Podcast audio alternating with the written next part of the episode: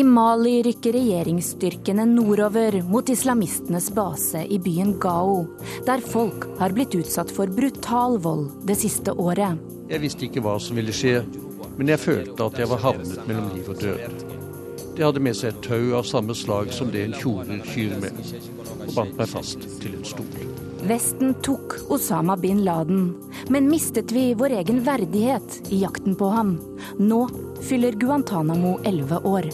Det er et symbol på at Vesten ikke klarte å opprettholde menneskerettighetene i kampen mot terror. Fra Chile skal vi få høre historien om hvordan folket på fredelig vis kvittet seg med diktaturet.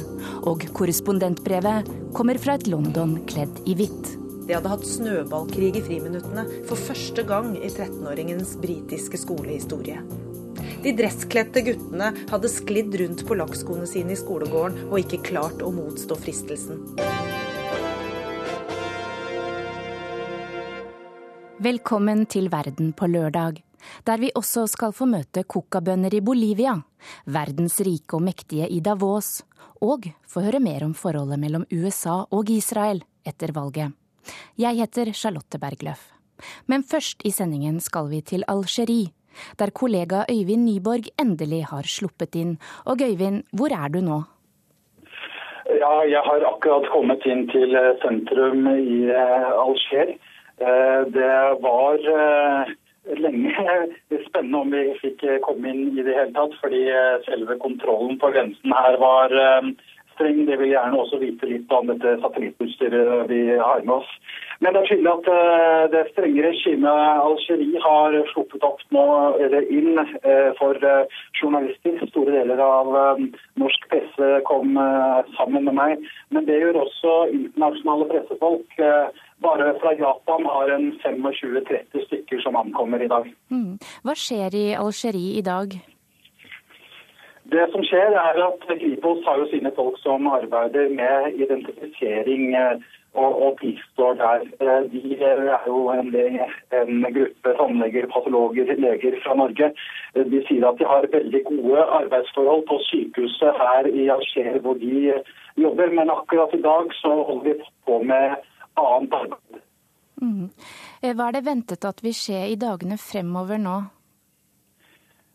Eh, man holder fortsatt på med identifikasjonsarbeid, men det er klart at uh, med de nyhetene vi fikk også i går, så er det grunn til å, vente nye nyheter om identifisering av de to siste nordmennene som er savnet.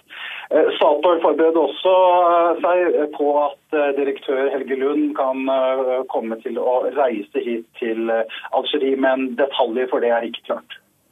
Dere er som du forteller blant de første journalistene som nå kommer inn. Hvordan er arbeidsforholdene? Ja, Vi vet ikke så mye om ennå.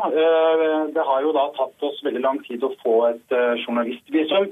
Eh, og eh, som jeg fortalte i stad, så var det også eh, vanskelig å komme inn gjennom grensekontrollen. De ville gjøre seg litt vanskelig der, men nå er vi jo nå her. Det er også et litt åpent spørsmål hvordan sikkerhetssituasjonen vil være nede i Sahara rundt In Amenas. Men detaljer for det, det, får komme etter hvert. Mm. Øyvind, du vil følge utviklingen eh, utover dagen og denne uken for oss, og også delta i ukeslutt eh, på P2 klokken 12.30. Eh, Så da hører vi mer til deg da. Tusen takk for at du var med nå.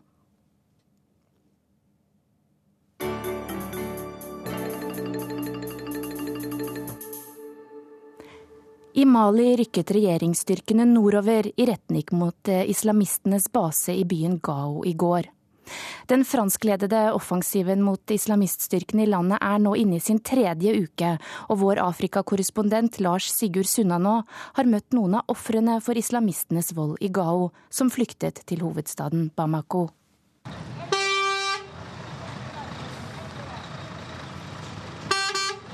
Morgenrush i et veikryss på en av innfartsårene til Bamako. I en stri strøm suser biler, busser og en armada av små motorsykler forbi to av krigens ofre i Mali. Kameratene Mukhtar og Soleman bor og sover på bakken under åpen himmel i veikanten her. Fra et lite bord under en fillete parasoll prøver de å tjene til livets opphold ved å selge sigaretter og bensin på litersflasker. På en god dag er fortjenesten ti norske kroner, og de hjelper hverandre så godt de kan. For begge mangler hender.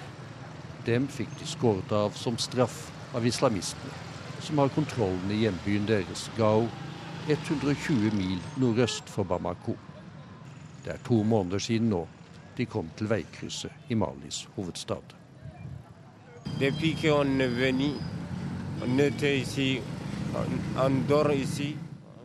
Siden vi kom hit, er dette blitt stedet vårt, forteller Mukhtar Toré. Vi har ikke noe annet sted å dra. Vi har ikke noe valg. De to var lastebilsjåfører da de islamistiske opprørerne kom til Gao i fjor vår. Byen falt raskt, siden de maliske soldatene som skulle forsvare den, rømte hals over hode. De etterlot seg en mengde våpen, og Mukhtar og Soleman lot seg friste til å gjemme unna noen av dem. Men de ble sett, angitt til islamistene og satt i fengsel.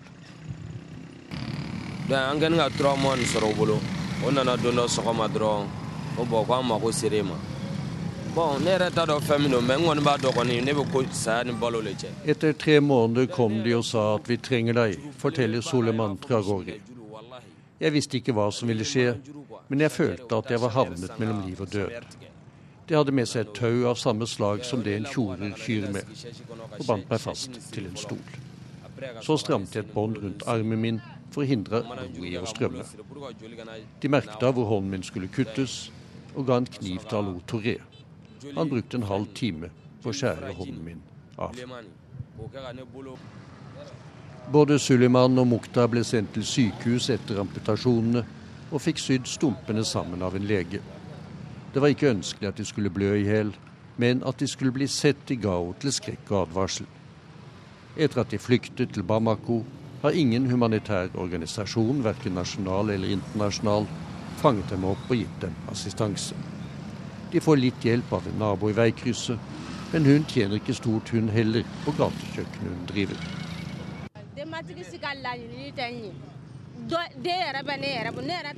Jeg har også sønner, sier Mariam Togola. Jeg er mor, og ingen mødre vil at noe slikt skal skje med sønnen deres. Hvis jeg hadde midler, ville jeg ha hjulpet dem skikkelig men det har jeg ikke, sier hun. Før jeg forlater de to flyktningene, vil Mukhtar si sin mening om islamistene nord i Mali.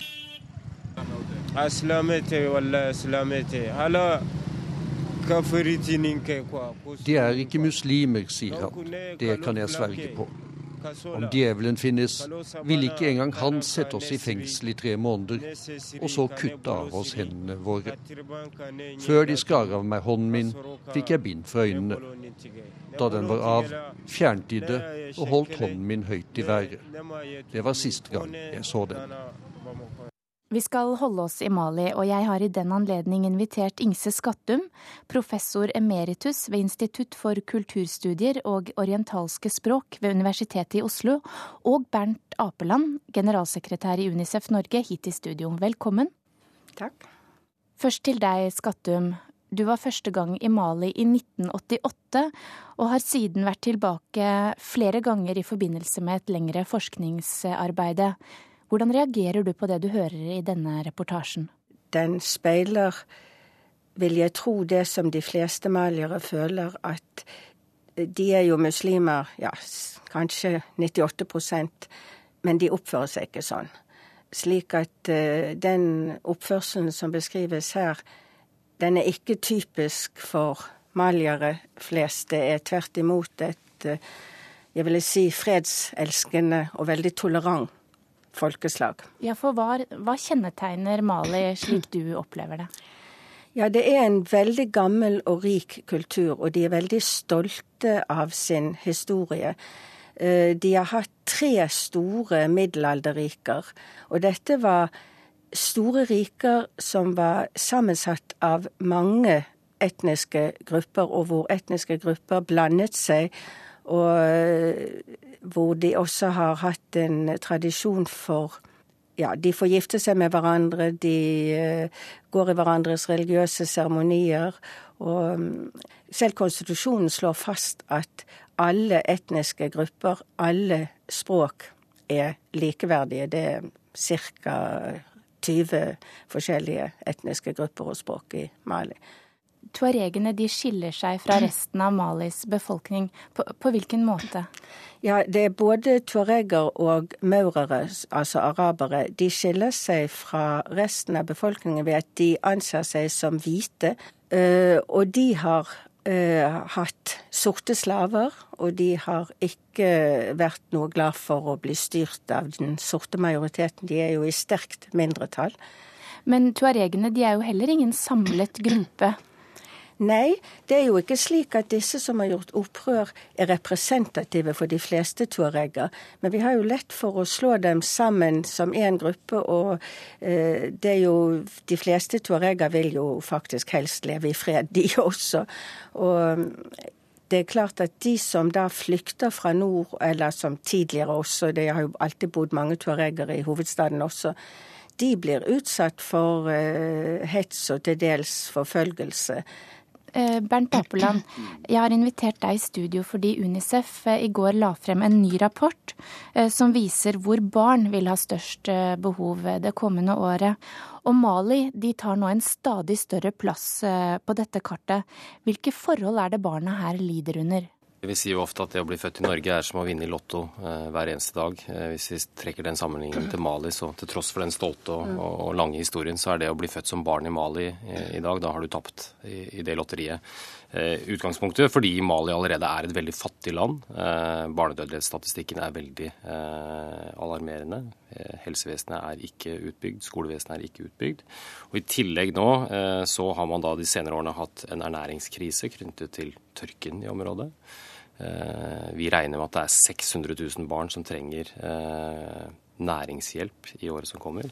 Og på toppen av det så har du da fått den konflikten som nå har vart eh, nesten et år, som utsetter barn for enda flere lidelser, og ja. også for overgrep. Hvordan påvirker konflikten barna?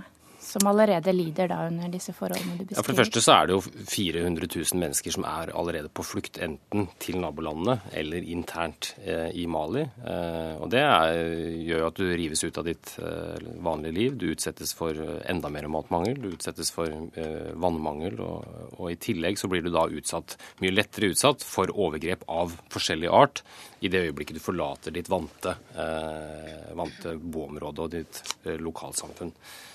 Eh, og det vi også har sett og har fått rapporter om eh, både i, fjor sommer, men også nå i forbindelse med opptrappingen av konflikten med franske, eh, den franske inntreden, at barn nå igjen blir rekruttert som barnesoldater. Både av islamistgruppene, men også, ifølge de rapportene vi har fått, av militser knyttet mer til regjeringsstyrkene. Mm. Ingse Skattum, denne konflikten har jo nå også tatt en ny vending i, i form av at uh, tuaregene de krever nå noe de aldri har krevd tidligere. Uh, hva er det? Etter at uh, Gaddafi falt, og det kom tilbake mange maliere, tuareger, som hadde tjenestegjort i Gaddafis hær, og som var godt trent og tok med seg mange våpen og hadde god råd, så kom dette kravet om uavhengighet. Jeg har snakket om disse tidligere rikene som alltid hadde mange eh, etniske grupper eh, som levde sammen. Nå var det plutselig slik at tuaregene, som er i mindretall i nord, ville skape et rike som ikke har eksistert før, nemlig Azawad, som de kaller det. Og de andre folkeslagene i nord, de vil jo ingenlunde inn i en uavhengig stat som heter Azawad. og hvor de også vil innføre sharia. Det er en skremmende utvikling du beskriver nå. Eh, og jeg tenker på gisselaksjonen i Algerie. Vi har jo med den fått en ny Osama bin Laden i islamistlederen Mukhtar Bel-Mukhtar, som skal befinne seg i nettopp Mali. Svært mange sivile liv gikk jo med i jakten på Osama bin Laden. Frykter Unicef nå at en jakt på Mukhtar Bel-Mukhtar kan forverre situasjonen for barna i Nord-Mali? Det som jo er viktig der sett fra vårt ståsted og fra alle humanitære aktørers ståsted, er å minne alle parter om at det er, eh, sivile skal beskyttes. så må de militære aksjonene vurderes ut ifra militære mål, men man må hele tiden ha sivilbefolkningens ve og vel Eh, helt fremst eh, i pannen når man skal fatte beslutninger. Det er også viktig når man nå trapper opp militært i dette området, at man faktisk samtidig trapper opp eh, på den humanitære siden og på utviklingssiden. Og Så får vi håpe at det også da kan bidra til en, en lenge etterlengtet utvikling i, i Mali. Ja, Da får vi håpe at din appell blir hørt. Bernt Apeland og Ingse Skattum, takk for at dere kom i studio.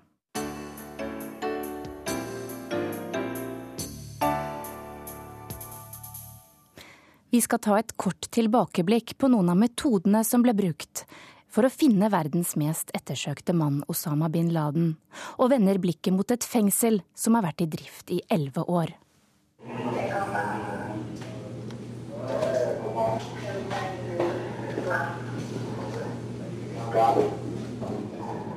Noen har filmet i smug inn i det som går under navnet Gitmo fengselet ved den amerikanske basen i Guantánamo Bay, Cuba. Offisielt heter anlegget Camp Delta. Videoen viser hvitmalte korridorer belyst med lysstoffrør. Langs veggene er det rødmalte ståldører. Soldater med plasthansker bærer brett med mat som de leverer til fanger gjennom luker i dørene. Det er 166 fanger igjen i anlegget. At de fortsatt er der, er ikke en god sak for USA, mener europadirektøren i Human Rights Watch, Jan Egeland. Det er et symbol på at Vesten ikke klarte å opprettholde menneskerettighetene i kampen mot terror. Og at man ikke gjorde det til en verdikamp mellom det onde og det gode. Det ble nærmest en slags gjørmebryting hvor alt var tillatt fordi at terroristene var så fryktelige.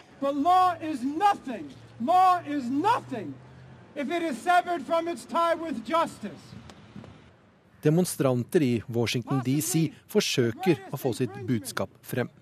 Det er ikke mange som har møtt opp for å demonstrere mot Guantánamo-fengselet. Det er fire år siden Obama lovte at anlegget skulle stenges innen et år. Nyttårsaften undertegnet han igjen dokumentet som sørger for at fengselet skal være i drift. Ja, jeg trodde på president Obama da han på sin første dag på kontoret i sin første presidentperiode sa at det skulle gå ett år før denne eh, fangeleiren, som er i ingenmannsland, nettopp fordi at man skulle kunne bryte internasjonal lov og rett, at det var en skamplett, som han sa, på USAs historie, USAs ære. Han skulle gjøre slutt på det.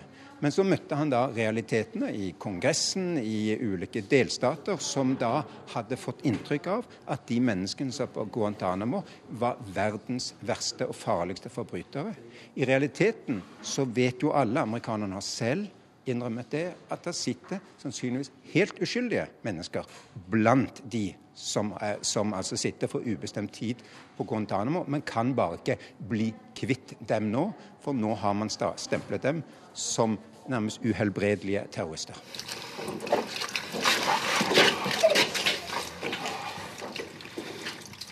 Du hører lyden av det som mange kaller tortur. En journalist lar seg utsette for det som kalles waterboarding. Ofrene for waterboarding føler at de er i ferd med å drukne.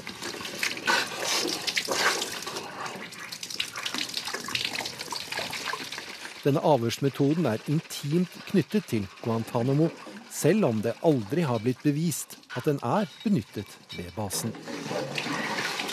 Guantánamo har blitt symbolet for hele det systemet visepresident Dick Cheney allerede i 2001 varslet at USA ville bygge opp.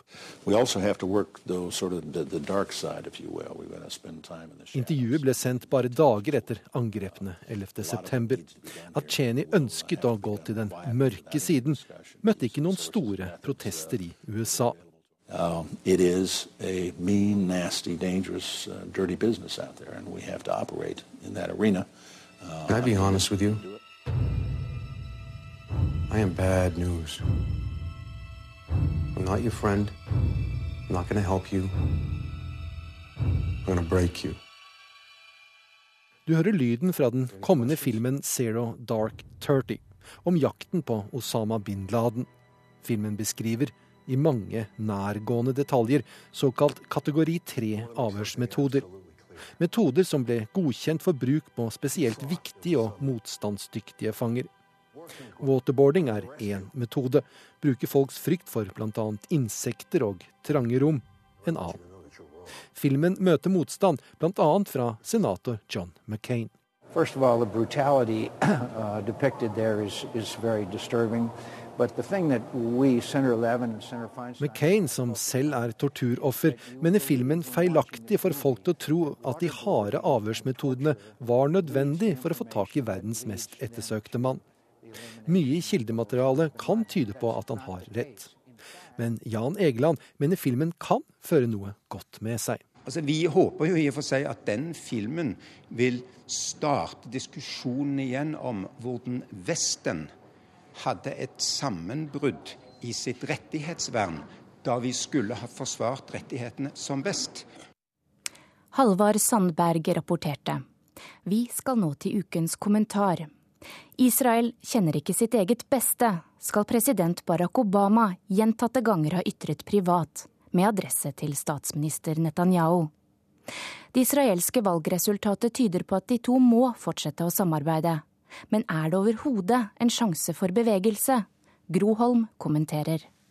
Det er de stadig nye jødiske bosettingene i palestinske områder som ligger bak Obamas påstand om at Israel ikke kjenner sitt eget beste, skrev den anerkjente amerikanske kommentatoren Jeffrey Goldberg midt i den israelske valgkampinnspurten. Goldbergs kilder skal være helt sikre. Dette oppfattes som sant både i USA og Israel. Forholdet mellom Obama og Netanyahu er berømt for sin kulde. Slik har det vært siden et av de første møtene, da Obama måtte gå tilbake på kravet om frys i bosettinger som utgangspunkt for forhandlinger med palestinerne. Men i praksis er USA fortsatt like mye Israels høye beskytter som før. 70 millioner dollar ekstra til et rakettforsvar med det potente navnet Jernkuppelen, de siste krigsflyene og trusler om veto mot palestinernes forsøk på å bli anerkjent som stat i Sikkerhetsrådet.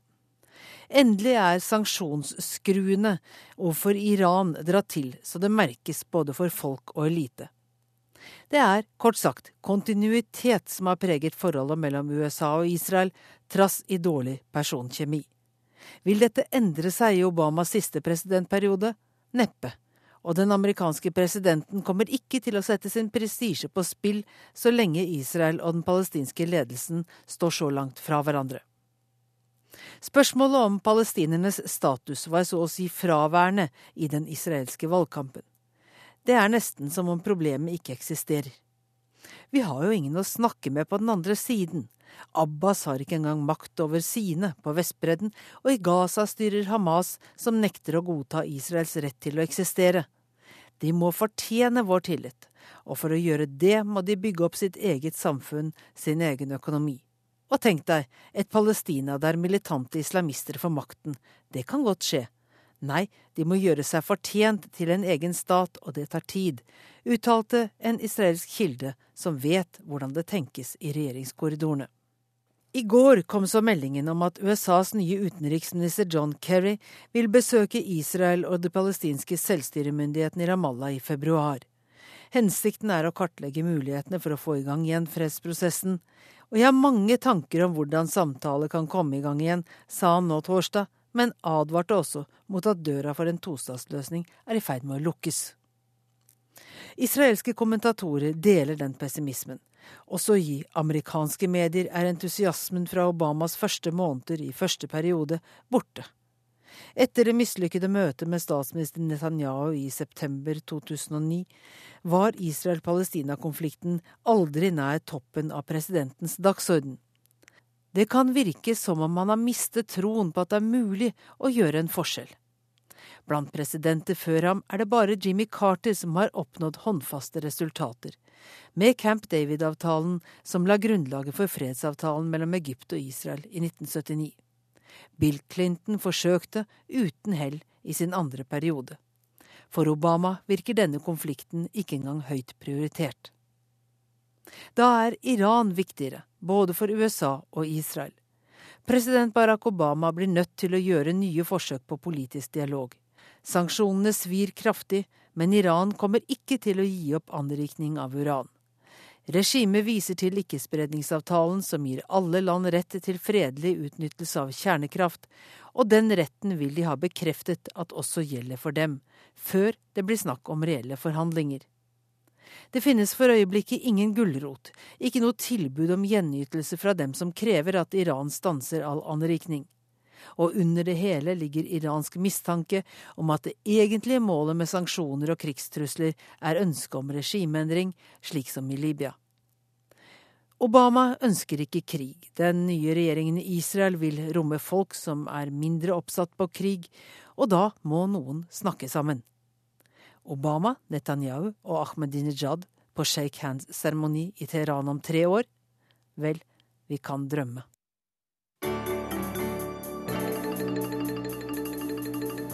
Du lytter til Verden på lørdag. Klokken er straks halv tolv. Og snart skal du få høre fascinerende historier fra Latin-Amerika.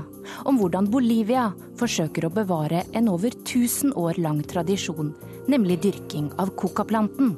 Våre myndigheter gjør mye for å utvikle nye coca-produkter, som ulike medisiner, coca-mel til baking, tannkrem, tyggegummi og mye annet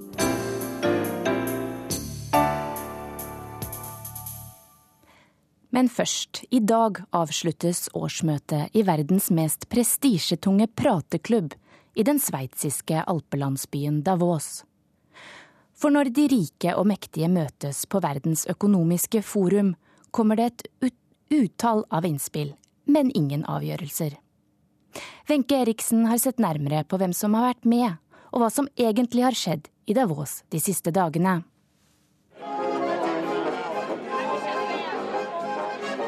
Jetsettere eller ikke, det ble ompamusikk og lederhosen da den tyske mediekongen Hubert Burda inviterte til fest i Davos sist onsdag. Gjestelisten gjenspeilet Davos-møtets særegne blanding av finanstopper, politiske ledere og kjendiser av alle slag. Blant dem Israels Ehud Barak, en tysk filmdiva og en for oss nordmenn svært så kjent kronprins med fremtidshåp. Etter de siste års krise begynner vi å senke skuldrene nå, sier verten.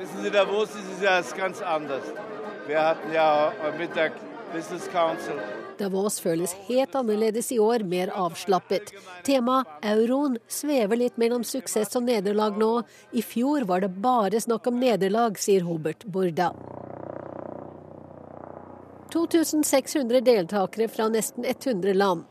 1600 av dem næringslivsledere, sjefer i noen av verdens største og mektigste selskaper. Rundt 40 stats- og regjeringssjefer. 300 på ministernivå. 14 nobelprisvinnere. Og nederst på rangstigen på den eksklusive samlingen flere hundre journalister. Uh, where such a diverse group of leaders from government, from business, uh, from civil society, academia come together to discuss a broad variety of themes and conduct dialogue and try to find solutions, exchange ideas. Olivier Schwab er Kina-direktøren i Verdens økonomiske forum og sønnen til økonomiprofessoren Klaus Schwab, som startet det hele tidlig på 70-tallet. Og han har rett i at det som begynte som en liten og uformell samling av næringslivsledere, har utviklet seg til et diskusjonsforum helt ulikt alle andre. Det var nødvendig for å slå tilbake mot beskyldninger om at de rike og mektige konspirerte sammen i all hemmelighet i de sveitsiske alpene om hvordan verdensøkonomien skulle styres. Men kritikk kommer også fra den andre siden nå, fra dem som mener at tilveksten av deltakere uten økonomisk ekspertise, kjendiser og frivillige organisasjoner nevnes spesielt, truer møtets rykte som et seriøst økonomisk forum. Ob investoren, die in Staatsanleihen oder Unternehmen Europas investieren wollen. The level of economic activity is uh, in the process of stabilizing. This is a world where economic hardship men ingen kan si at det ikke har vært snakket økonomi i Davos denne uken, enten det har dreid seg om eurokrisens eller fedmeepidemiens følger for verdensøkonomien.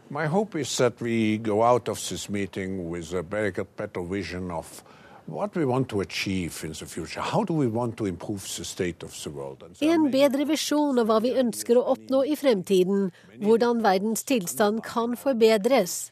Intet mindre enn det håper mannen bak det hele, Klaus Schwab, skal komme ut av den årlige elitesamlingen som avsluttes i Davos i dag.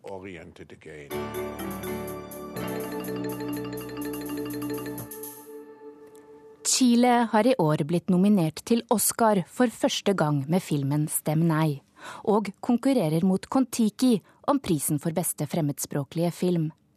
Filmen dreier seg om et helt spesielt kapittel i landets historie. Om den natten folket kvittet seg med diktaturet.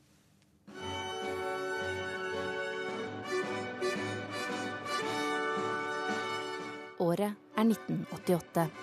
Den chilenske befolkningen har fått en unik sjanse. Muligheten til å kvitte seg med diktaturet. For det internasjonale presset mot Augusto Pinochet er blitt så sterkt at han har utlyst en folkeavstemning hvor chilenerne selv skal få ta stilling til om han skal fortsette, eller om det skal lyses ut frie valg. Opposisjonen får 15 minutter på Statskanalen i 28 dager til å spre sitt budskap. Men hvordan skal de formulere seg? Bilder fra kuppet ruller over skjermen med følgende tekstplakater. 34 690 torturerte. 200 000 i eksil. 2110 henrettede. Esto? Eh, sí, ¿no? Eh. Har dere ikke mer? Creo que esto, esto no vende. Dette selger ikke. Nei-siden har hentet inn René Saavedra, hjernen bak kommersielle TV-kampanjer med suksess. René er ikke imponert over hvordan nei-siden vil fri til folket, med en oppramsing av alle likene Pinochet har i skapet.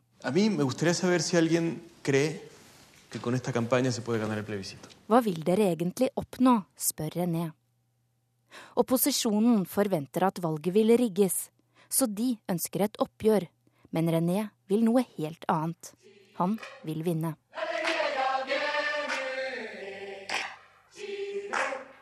Med en fengende jingle og lystige bilder, som ligner mest på en Coca-Cola-reklame, forteller nei-siden at Chile står foran en ny tid. Gledens tid. Det hele ender i en kommersiell stillingskrig mellom ja- og nei-siden, der nei-siden fosser frem på meningsmålingene med sine kreative stunt, mens Pinochets allierte graver sin egen grav. Filmen skildrer et historisk skille. Tiden da politiske kampanjer skifter spor, og finner kraft i reklamens taktikk snarere enn politiske prinsipper. Så er kvelden endelig kommet. Chilenerne har stemt. På opposisjonens kampanjekontor går plutselig lyset. De kan da ikke manipulere valget nå? Ikke når en hel verden ser på? Vi trenger internasjonal hjelp. Finn en korrespondent. Ja, og en av de korrespondentene de fant, det var deg, Erling Borgen. Velkommen til Verden på lørdag. Fortell oss, eh, som NRKs korrespondent i Chile, hvordan opplevde du denne natten i Santiago? Det er vel noe av det sterkeste jeg har vært med på å rapportere. Eh, NRK hadde korrespondentkontor i Santiago i Chile eh, fordi eh, oppgjøret med Pinochet begynte å nærme seg. Og det var viktig for verden, men det var også viktig for Norge, for det bodde 8000 chilenere i eksil i, i Norge. Jeg var så heldig at jeg fikk kontakt med det eneste produksjonsselskapet som brukte sine talenter og sine kameraer til å avsløre Pinochet-regimet. Så med det teamet opplevde jeg den natten som denne filmen beskriver. Og da jeg så den filmen i går, så ble jeg faktisk veldig beveget, for det var sånn det var. Det var et drama. Skulle Pinochet klare å gjøre et nytt kupp? Fordi han ønsket jo egentlig å bli den første kuppresidenten som tok av seg militæruniformen og sa nå kan dere bestemme om dere vil ha meg eller ikke. Så kom valgnatten, og jeg husker det veldig godt. Hvordan var denne valgnatten? Nei, de, Vi satt da i det store korrespondentsenteret, og så så vi på de første seks valgresultatene som kom inn, og det var klart flertall til Pinochet.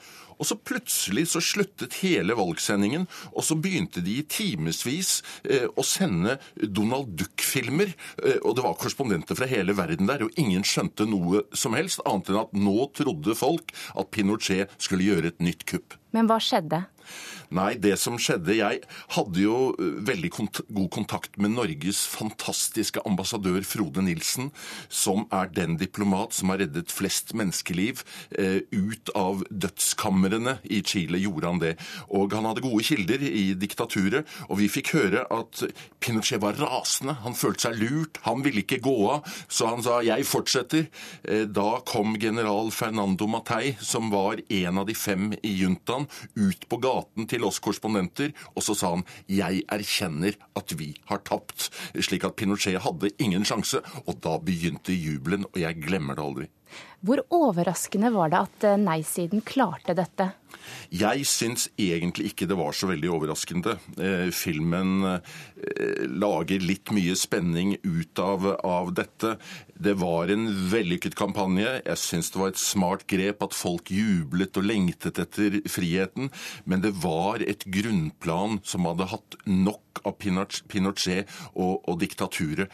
Og da seieren var et faktum Vi strømmet alle ut i gatene. Jeg tror jeg danset med chilenere. Jeg hadde ikke noe valg. Eh, vi var 200 000-300 000 mennesker i Santiagos gater. Jeg husker en av produsentene i Dagsrevyen som så reportasjen da den kom og sa Erling, du skulle ikke ha danset der. Men det gjorde jeg med god samvittighet. Men du, du, nevner kampanjen som denne filmen handler om. Eh, hvordan opplevde du den selv? Så du den på TV? Altså, var det en del av den hverdagen for deg, sånn som man får inntrykk av gjennom filmen?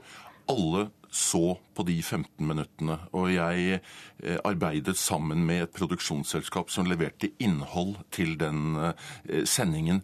Og husk at her hadde man levd i et brutalt diktatur eh, hvor det var Alt var sensurert. Og plutselig var det mulig å sitte der og kritisere Pinochet og kritisere diktaturet. Folk falt helt bakover, og stadig flere så på, på denne sendingen. Mm. Filmen skildrer jo da hvordan nei-siden til markedsføringsstrategier.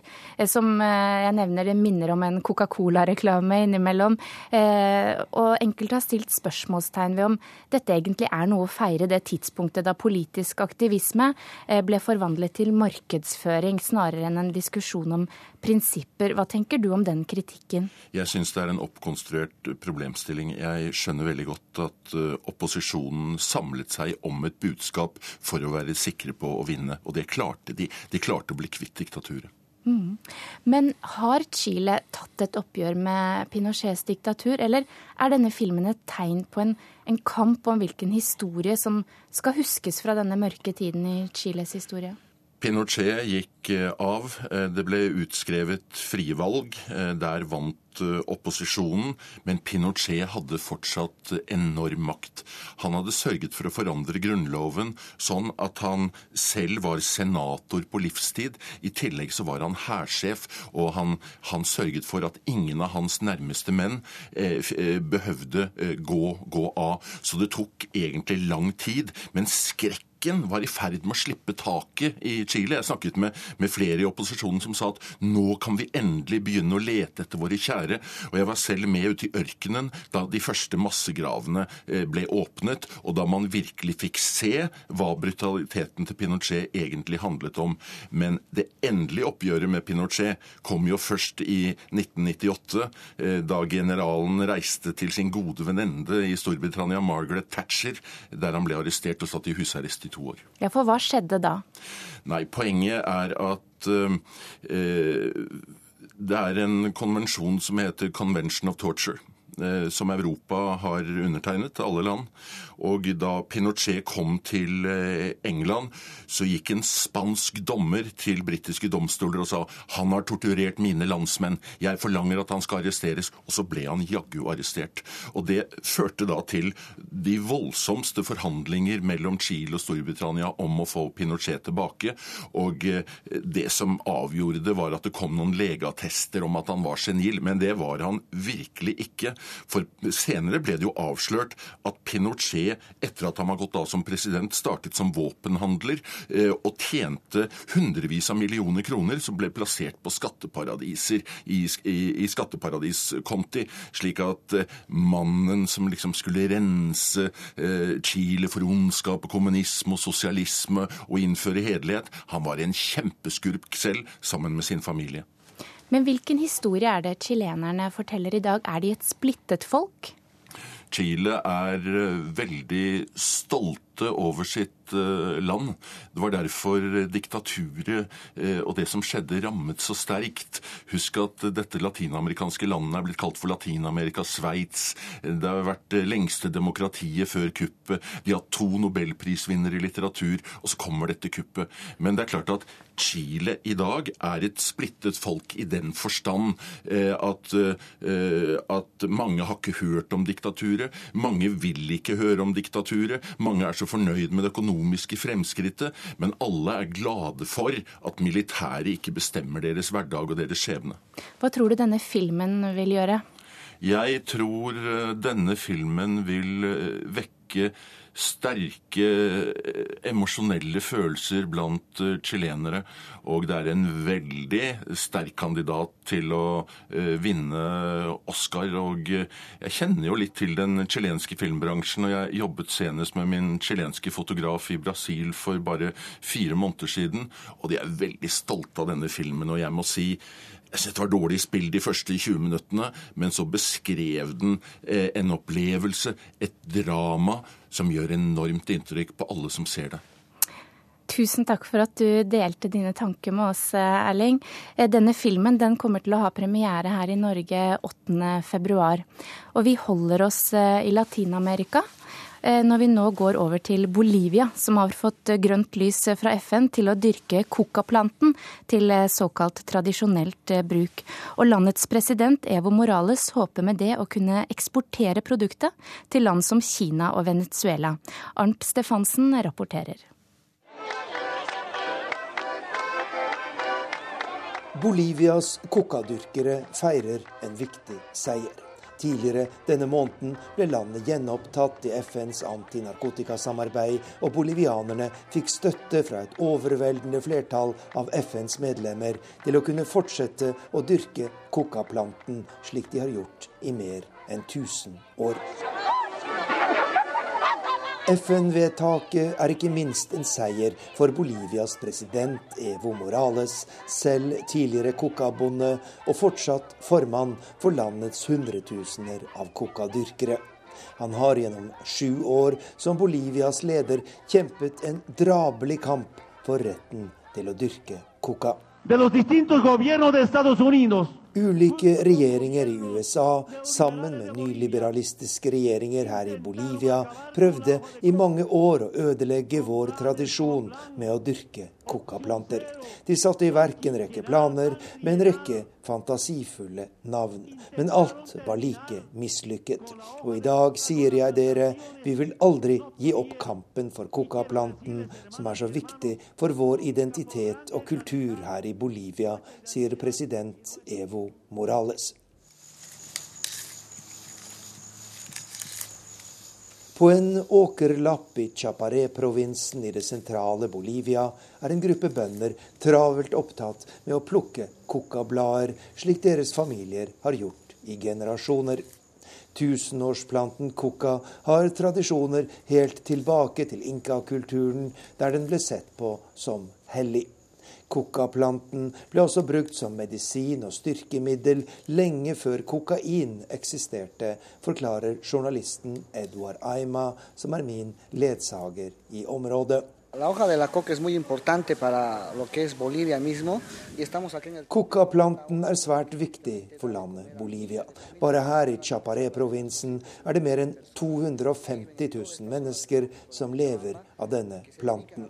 Og dessverre går mye av det som dyrkes, til produksjon av kokain, selv om det er ulovlig.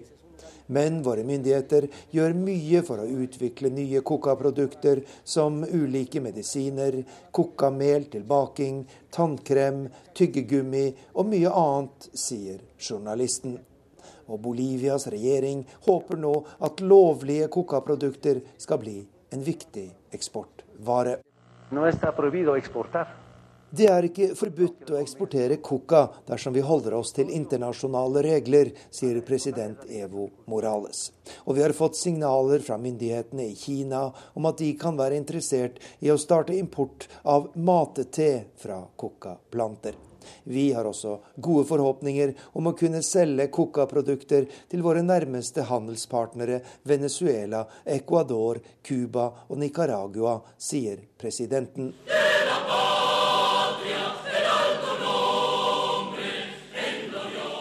Etter at Evo Morales ble innsatt som Bolivias president i 2006, har han vært den mest markante motstanderen av USAs narkotikapolitikk. Han kastet ut de amerikanske narkoinspektørene fra Bolivia og erklærte at det ikke kan være riktig at lutfattige bolivianske bønder skal få avlingen ødelagt fordi USA ikke greier å løse sitt narkotikaproblem. I dag, sju år senere, mener mange eksperter at Morales har ført en riktig linje. Previous models and other forced eradication models around the world treat these farmers growing illicit crops as mere criminals. Tradisjonell narkotikabekjempelse har gått ut på at man ødelegger avlingen til kokabøndene uten erstatning, sier Sano Tree, ekspert på narkotikapolitikk ved Institutt for politiske studier i Washington. Man behandler dem som kriminelle, selv om de bare ønsker å fø sine familier. Det er en oppskrift på fiasko. Evo Morales prøver å finne løsninger. Han prøver å utvikle nye produkter, samtidig som han bekjemper narkotika, sier eksperten.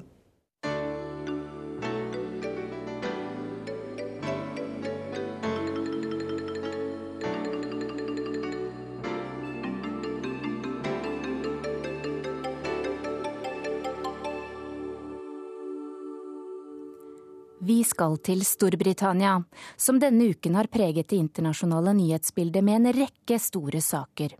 Gisselaksjonen i Algerie, David Camerons forslag om å avholde en ny folkeavstemning om EU, og prins Harrys innrømmelser om å ha drept Taliban-soldater.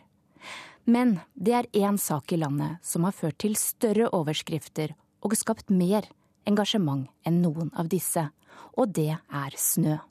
Ukens korrespondentbrev kommer fra Gry Blekastad Almås i London. Han frydet seg. De hadde hatt snøballkrig i friminuttene for første gang i 13-åringens britiske skolehistorie. De dresskledte guttene hadde sklidd rundt på lakkskoene sine i skolegården og ikke klart å motstå fristelsen. Men det måtte de svi for. Lærerne kom, én etter én, og kjeftet. De fikk ikke lov til å kaste snøballer, det var farlig, må vite. Det er salt i snøen, og det kan ødelegge øynene til den man måtte treffe. Derfor gikk 13-åringen i gang med å lage en snømann. Rullet snøballen større og større. Men i og med at all snøen, som ikke var særlig mye, var måkt opp langs bygningskantene, måtte snømannballen flyttes fra snøhaug til snøhaug for at den kunne oppnå en størrelse en skikkelig snømann verdig. Og midt i en slik forflytning ble han overrasket av en lærer som stakk hodet ut av et vindu over ham. Slutt med det der, med en gang! Ikke kast snøball, har jeg sagt! Gutten prøvde forsiktig å forklare at snøballen, som på det tidspunkt hadde en diameter på rundt 40 cm, ikke skulle kastes på noen, men skulle bli en snømann, et vitne på at selv dresskledte skolebarn elsker å leke i snø. Men nei, mistanken om at den kunne bli et farlig våpen, vant diskusjonen. Det ble ingen snømann i den skolegården. Forrige uke kom vinteren til Storbritannia, eller The Big Freeze, som den kalles her. Vi jublet, for vi har knapt sett snø i løpet av de tre årene vi har bodd i London. Ungene fikk stjerner i blikket, gatene ble lyse og lune, men ellers ble folk, og nyhetsbildet, mørkt og alvorlig. Så alvorlig at snøkaoset var en større nyhet enn gisselaksjonen i Algerie i nyhetssendingene på TV. Som ventet ble flytrafikken lammet.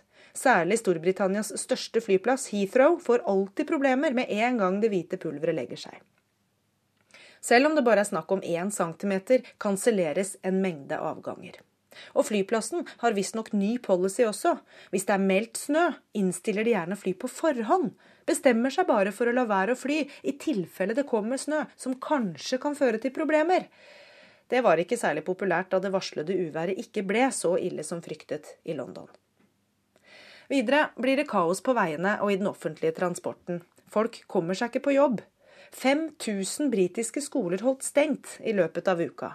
Vi fikk følgende varsel fra Barnas skole før forrige helg. Vi holder åpent neste uke hvis det på noen måte er mulig. Men er det dyp snø, må vi vurdere å be de fleste barna komme klokka ti for å gi de ansatte tid til å komme seg på jobb.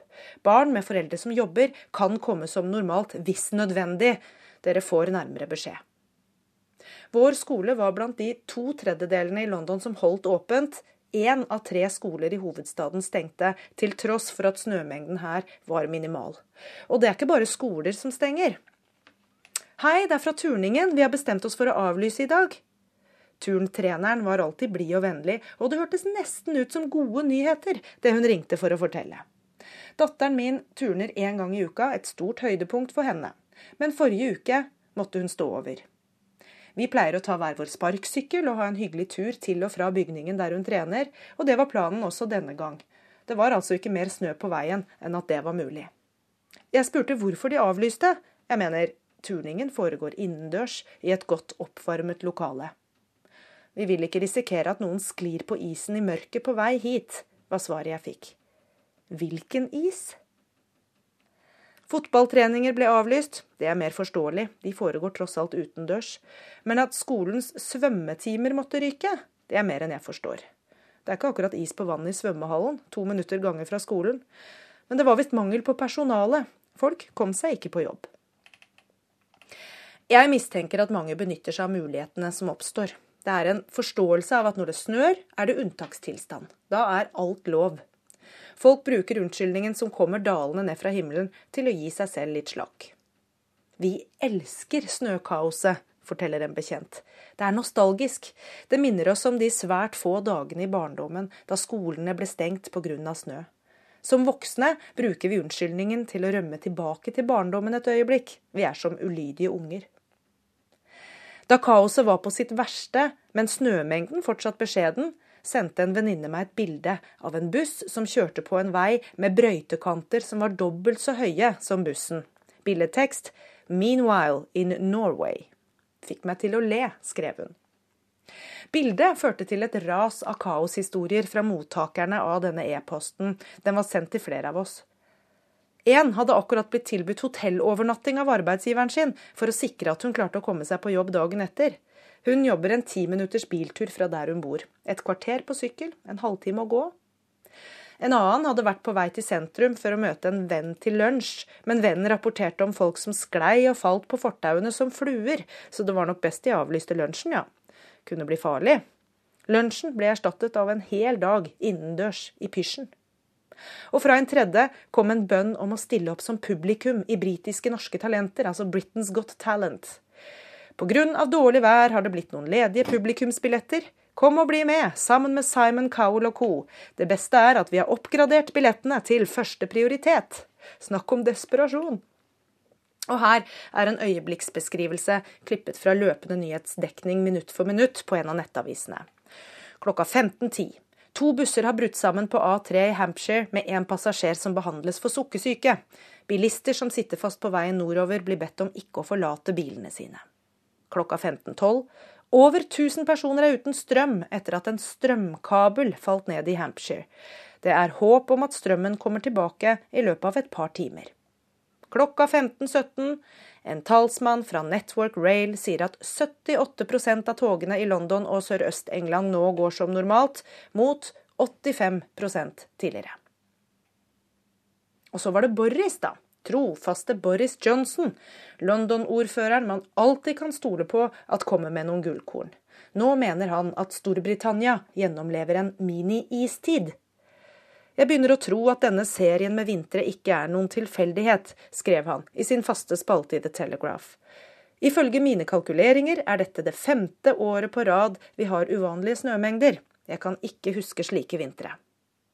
Deretter beskriver Johnson den kjølige perioden mellom 1645 og 1715, da Themsen frøs til is, før han skriver at det kanskje er på tide for regjeringen å ta på alvor teorien om at vi er inne i en periode med global nedkjøling, ikke oppvarming.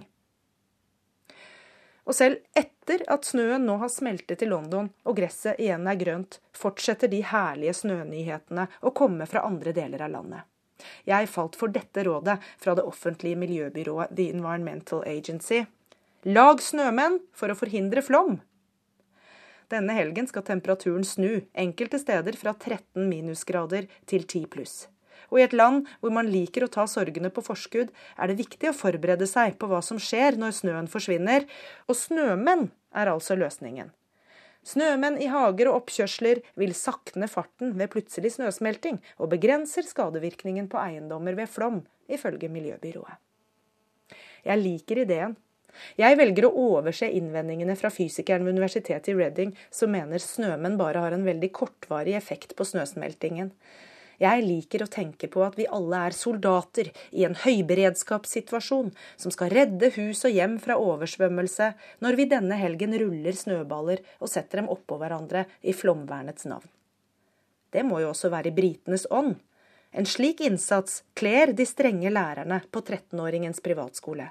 For hvis snømannlaging ikke er lek, men alvor, da må det vel være greit?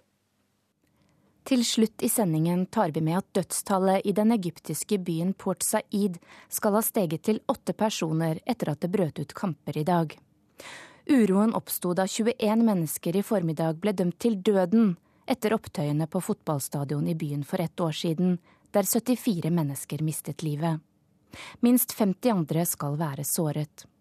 Vi følger denne situasjonen utover dagen, men dette var alt vi rakk i verden på lørdag i dag. Teknisk Teknisk ansvarlig Karl Johan Rimstad, skript Tove Nilsen Søtorp og her i studio Charlotte Bergløff. Vi ønsker dere alle en riktig god lørdag.